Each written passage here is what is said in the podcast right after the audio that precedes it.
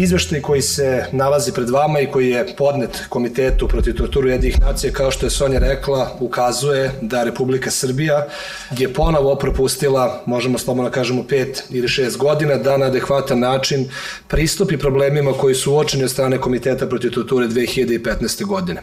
Mislim da je važno da se kaže da je činjenica da je naše materijalno krivično pravno zakonodavstvo i dalje neusaglašeno sa odredbama konvencije dovoljan pokazatelj kako ovi prethodni šest godina godina nije uložen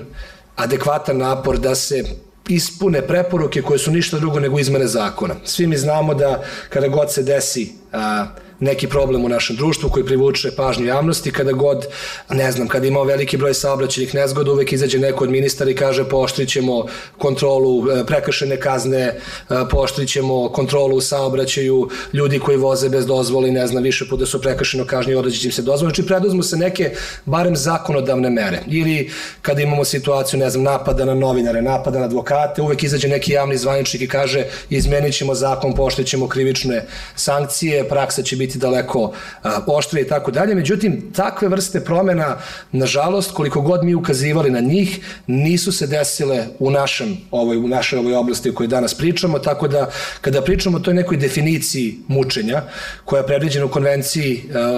protiv torturu jednih nacija u članu 1, prosto je nevjerovatno da mi dobijemo i verovatno ćemo dobiti četvrti po redu, to je treći po redu a, izveštaj komiteta protiv tortura u kome će se konstatovati jedna izmena jednog ili dva člana zakona. Znači, ta vrsta pasivnosti, ono su neke jednostavnije obaveze koje proističu iz ovog instrumenta po meni na dovoljno jasan način manifestuju koliko nadležni organ Republike Srbije ovu oblast uzimaju za ozbiljno. Znači, mi i dalje imamo dva krivična dela umesto jednog, koje se preklapaju, koje stvaraju zabunu u praksi koji će moj kolega Vladic Ilić više pričati,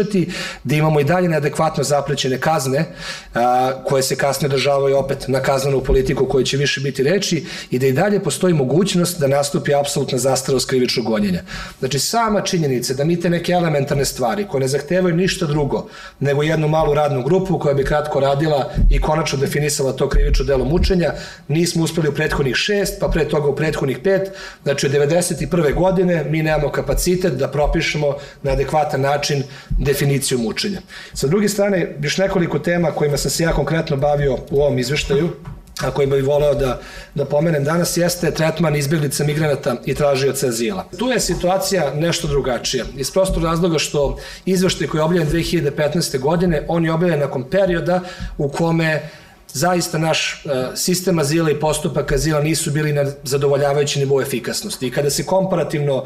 uporedi period od 2010. do 2015. koji je bio pokriven prethodnim izveštajem i ovaj danas ne možemo da kažemo da nije ostvaren značajan napredak, odnosno daleko veći broj ljudi traži azil, dobija azil i taj postupak azila je zaista efikasniji nego što je bio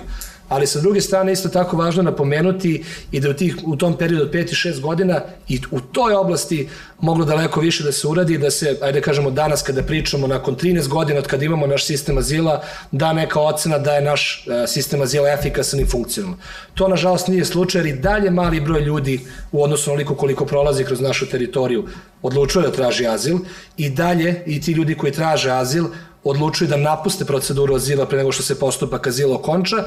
i imamo i dalje taj, da kažemo, nizak recognition rate, je nisku stopu priznavanja međunarodne zaštite u odnosu na broj ljudi koje je prošao, koje je tražio azil, a ona ne dolazi samo kao posljedica toga što, ne znam, Srbija je tranzitna zemlja, već zato što je taj postupak azila, nažalost, poprilično dugo traje, zato što ljudi koji kada traže azil nemaju pristup tržištu rada i što oni ljudi koji kada dobiju azil nemaju mogućnost da dobiju putne isprave. Što su sve neki odvraćajući momenti u odnosu na nekoga koji kada donese odluku da traži azil u određenoj zemlji, on tada donese odluku da započne svoj život iz početka. Ali kako će ako ne može da radi ili kako će ako ne može da izađe iz Srbije i vidi svoju porodicu, na primjer on je Sirijac i ne može da odu Jordan, Liban ili Tursku da mu se nalazi veći deo porodice. I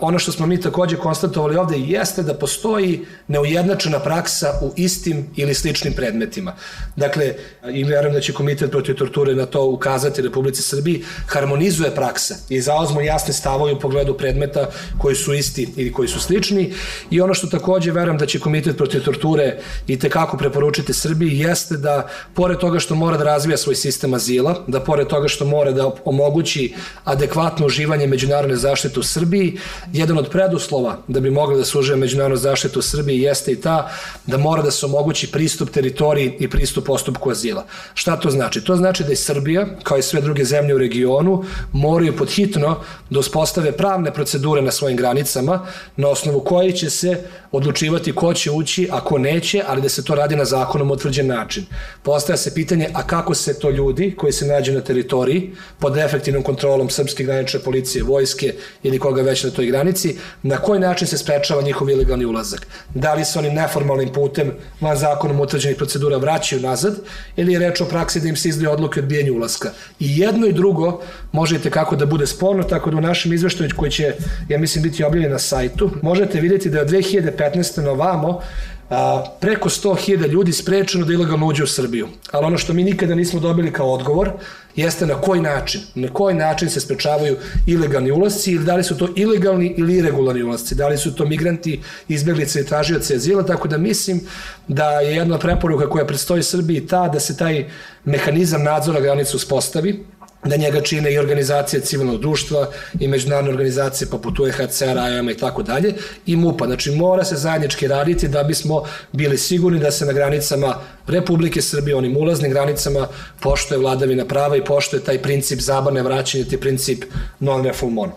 Ne mogu da se ne osvrnem takođe na još jednu stvar koju smo konstatovali u našem izveštaju, to je da od 2019. godine i avgusta, 3. avgusta konkretno, kada je Komitet protiv torture donao odluku kojim je utvrdio povredu člana 3 konvencije, a koje se odnosi na slučaj izlučenja Džavdeta za kurdskog političkog aktiviste koji je vraćen u Tursku, uprkos tome što je komitet zamolio Srbiju da se od toga uzdrži do trajanja postupka, dve godine, sada već i više,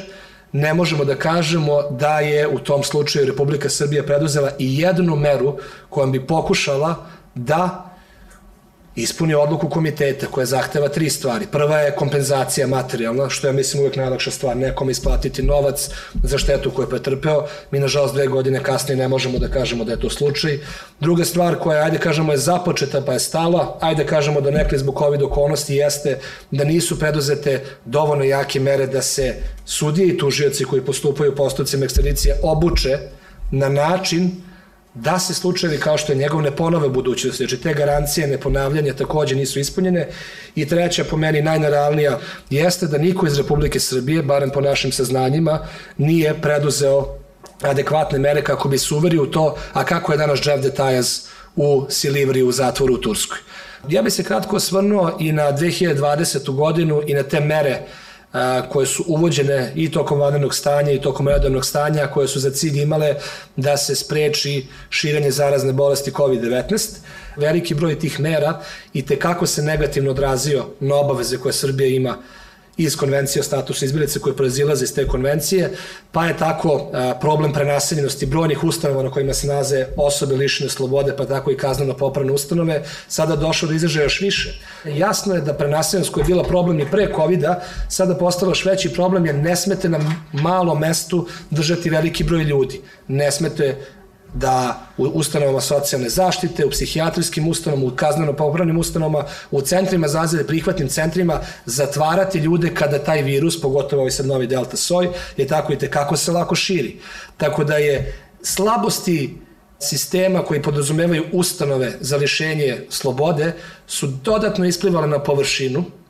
I dodatno se pokazalo zašto je bilo važno da se preporuke iz 2015. godine ispune do 2020. 2021. godine, jer one same po sebi već predstavljaju uvod u nečovečno i ponižavajuće postupanje, a u COVID-19 okolnostima ti nedostaci mogu dovesti u opasnost i život, i zdravlje, i psihički i fizički integritet osoba lišenih slobode. I onda ponovo kada otvorimo statistiku naših pravosudnih organa i to mislim na jasan način piše i u prošlogodišnjem izveštaju Beogradskog centra za ljudska prava, vi dalje vidite sudove koji će pre nekoma da izreknu kratkotrajnu kaznu zatvora od 3 meseca, 6 meseci, 9 meseci ili godinu dana, nego što će raditi ono što nam preporučuje i komitet protiv torturu jednih nacije, komitet za prevenciju torture Saveta Evrope, a to je da naši pravosudni organi pod hitno moraju da promene kaznenu politiku i da se preorijentišu na alternativne sankcije, to jest na sankcije koje će značiti višestruko različite stvari, a to je da neko ostaje u socijalnoj sredini, da može da nastavi da radi, da ima kontakt sa porodicom,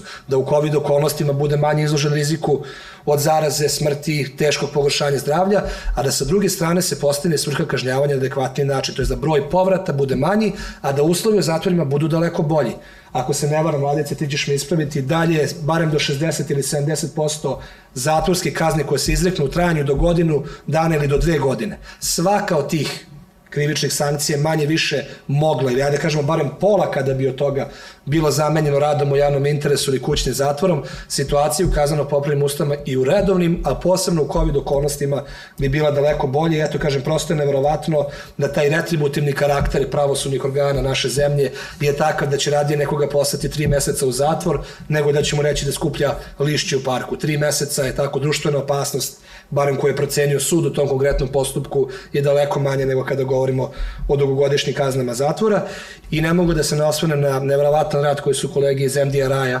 a, sprovele u prethodnih nekoliko godina kada su objavili izveštaj o položaju dece sa mentalnim smetnjama ustanovama socijalne zaštite. I kao što sam pričao za kazneno popravne ustanove COVID okolnosti, tako možemo isto da kažemo i za vjerojatno i psihijatrijski što će kolege iz Jena da pomenu, da su deca i generalno korisnici ustanova socijalne zaštite i tekako bili pogođeni COVID-19 merama, da su neke od tih ustanova i dalje pod lockdownom, barem na osnovu određenih podzakonskih propisa koje su donela nadležna ministarstva i da pored toga već što su uslovi u njima bili problematični, što su bili prenaseni, da je higijena bila loša, a sve što je posledica nečega o čemu pričamo godinama, barem kolege koje se time bave, to je nedostatak dovoljnih napora da se sprovede deinstitucionalizacija, da ne budu a, izložene segregaciji, da ne budu kao što tu nekim delom izvešta se kaže, osuđeni da ceo svoj život provedu sedeći u jednom položaju, vezani u jednom položaju i da se samo na osnovu dvogodišnjeg rada sa nekoliko ljudi, sa nekoliko slučajeva koji su navedeni u tom izveštaju vidi da su ti ljudi psihički, fizički i svakom drugom pogledu ubrzano njihovo zdravlje je bilo narušeno, fizički su propali, ali bih zaključio sa time što bih a, istakao da je mnogo važno da se ne samo nalazi iz ovog izveštaja, već i nalazi iz drugih pojedinačnih izveštaja, i BG centra, i IANA, i MDRA, i brojni drugih organizacija, uzmu za ozbiljno i da se ne nađemo ponovno situaciji za pet godina kada se nađemo ovde da konstatujemo da stanje podjednako loše ili gore u nekim oblastima, već da se uradi nešto što svaki put kada Komitet protiv torture Saveta Evropa dođe u Srbiji i kaže našim organima, da umesto da negiraju postojanje određenog problema iz ove oblasti i da se trude na svaki način da diskredituju nalaze uglednih i kompetentnih nevladinih organizacija, najviše državni zvaničnici, to su ministri, to su državni sekretari, to su drugi ljudi na pozicijama, treba da prihvate realnost u određenoj oblasti i da se potrude da preduzmu velike napore kako bi se stanje u toj oblasti popravilo. Znači, umesto da idu i da se slikaju sa decom u ustanovama socijalne zaštite, treba da naprave strategiju kako će ta deca da izađu iz tih institucija. Umesto da se kaže da je naša kaznena politika stroga i jaka, treba da se kaže da, da je isto vreme i racionalna i da ne zahteva samo to da se ljudi trpaju u zatvore. U ovom izveštaju koji je od strane platforme dostavljen um, komitetu su konstatovani neki podaci koje Beogradski centar uh, godinama prikuplja, uh, već nekih deseta godina, koji se odnose na kažnjavanje, dakle na praksu pravosudnih tela u, u, u pogledu toga kako se vodi istrage protiv službenih lica koje su sumičenja za zlostavljanje i mučenje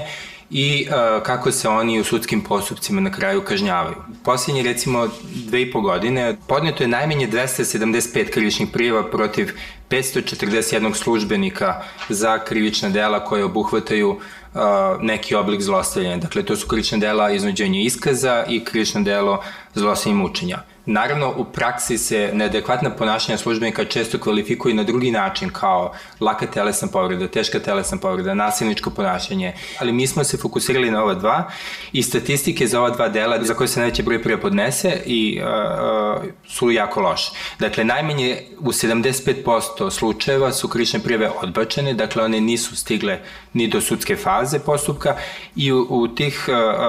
75% odbačenih dominiraju predmeti gde su tužilaštva našla da nema osnova sumnje da učinju krivično delo.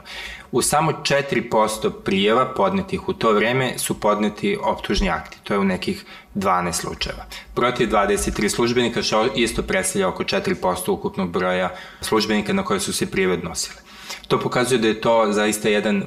praktično zanemarljiv broj predmeta koji dospe u neku sudsku fazu. U tom periodu sudovi su okončali 20, pravnosnaže okončali 25 postupaka koji su vođeni protiv 42 službena lica. Od tih e, lica 20 je osuđeno, e, dva službena lica samo zatvorskim kaznama, 18 čak uslovnim osudama. Iako su po praksi e, međunarodnih tela uslovne osude za ove dela neadekvatne kazne jer ne doprinose efektivnom kažnjavanju i slanju poruke nulte tolerancije koje je malo pre Nikola pomena. 16 je oslobođeno, protiv šest službenika su optuže odbijeni ili su postupci pravnosnažno obustavljeni. Ova dva službenika koja su jedina kažnjena kaznom zatvora su službenici za koje u, postupku utvrđeno da su učinili mučenje, dakle najteži oblik zlostavljanja i oni su kažnjeni vrlo, vrlo niskim kaznama, jedan kaznom zatvora od 8 meseci i jedan od 5. Mere bezbednosti zabrane vršenje poziva ni u jednom slučaju nisu izricane, pa tako ne čudi praksa što su gotovo svi ovi službenici koji su osuđeni zapravo i ostali da rade u policiji. Štete, osim pet, svih pet u jednom predmetu, a to je predmet poznat javnosti, a, a, slučaj koji se desio tokom parade ponosa, čini mi se 2014. godine, u kojem su jedni od ošećenih bili braća tadašnjeg a, za pre, premijera ili prvog podpredsjednika vlade i a, gospodina Siniše Malog. Suspenzije su samo u dva predmeta da smo mi našli ovaj, primenjivane, od kojih je jedan ovaj koji sam malo prepomenuo, ni u jednom slučaju oštećeni nisu obeštećeni.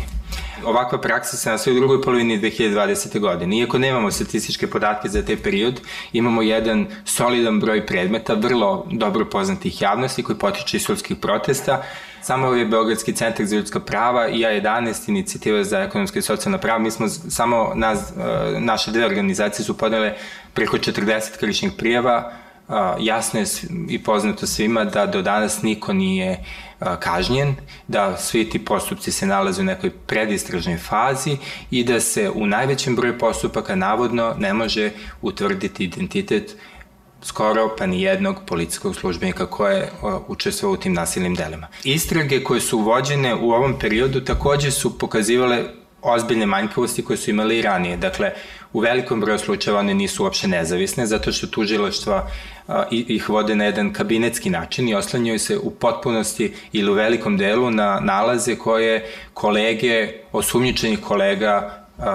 nađu da su zaključci. Dakle, sudsko-medicinska veštačenja kako povreda, tako i dokumentacije se izuzetno redko nalažu. Tako Nikola je malo prepomenuo kako e, naši zvaničnici nemaju baš velike običaj da kad su ova dela u pitanju izađu i ukažu na potrebu da se odgovorni kazne i da pošalju tu poruku nulte tolerancije na zlostavljanje, ali nismo imali neke takve predmete. Sećate se, tokom vanrednog stanja pojavilo se nekoliko snimaka gde policijski službenici zlostavljaju građane koji krše takozvani policijski čas. Jedan takvi slučaj je bio slučaj jednog šamarenja jednog građanina u policijskom autu, a, a, mislim da se desilo na Vračaru.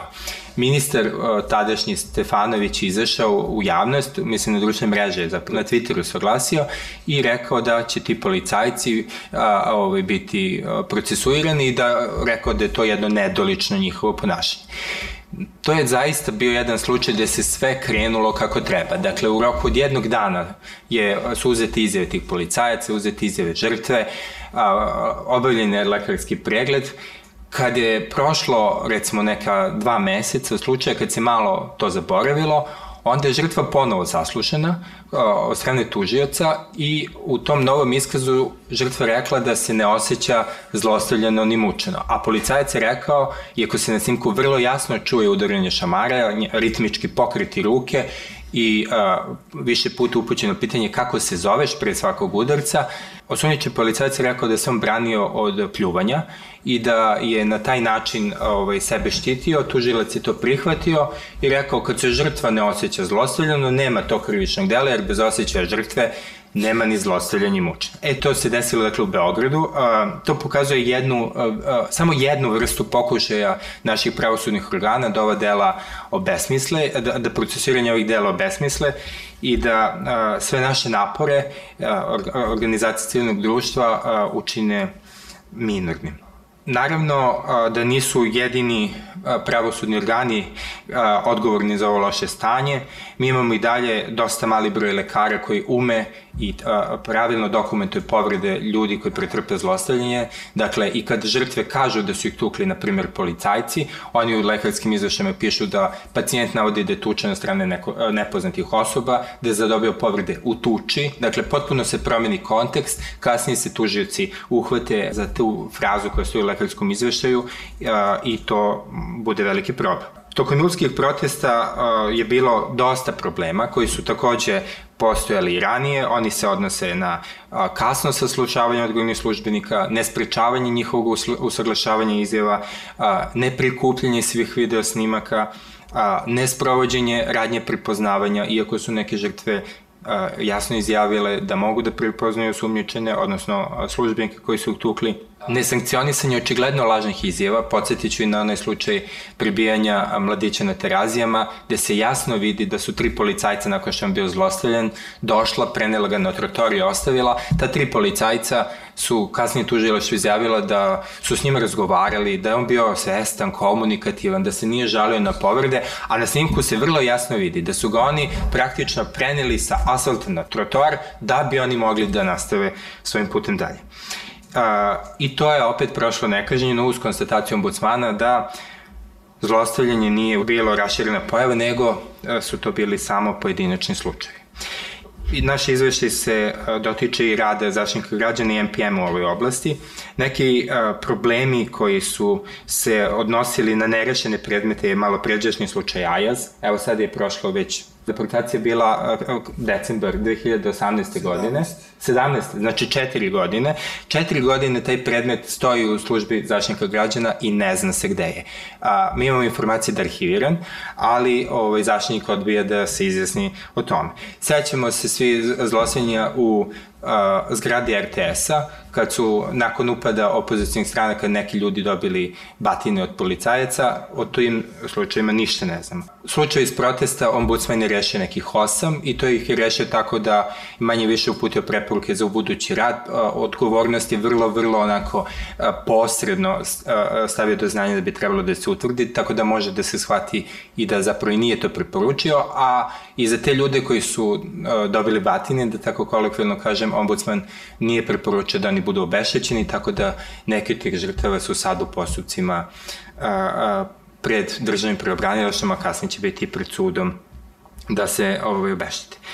Tokom pandemije ove koronavirusa, odnosno epidemije u Srbiji, Ombudsman je recimo našao da nije potrebno da ide ni u jednu polijsku stanicu a, za, za vreme vanrednog stanja, nije obilazio ni psihijatrijske ustanove, a za ustanove socijalne zaštite koje nisu državne, jeli, on je smatrao da to nije njegov mandat, iako UN-ovi ova dokumenta kažu da on treba da obilazi sva mesta nezavisno od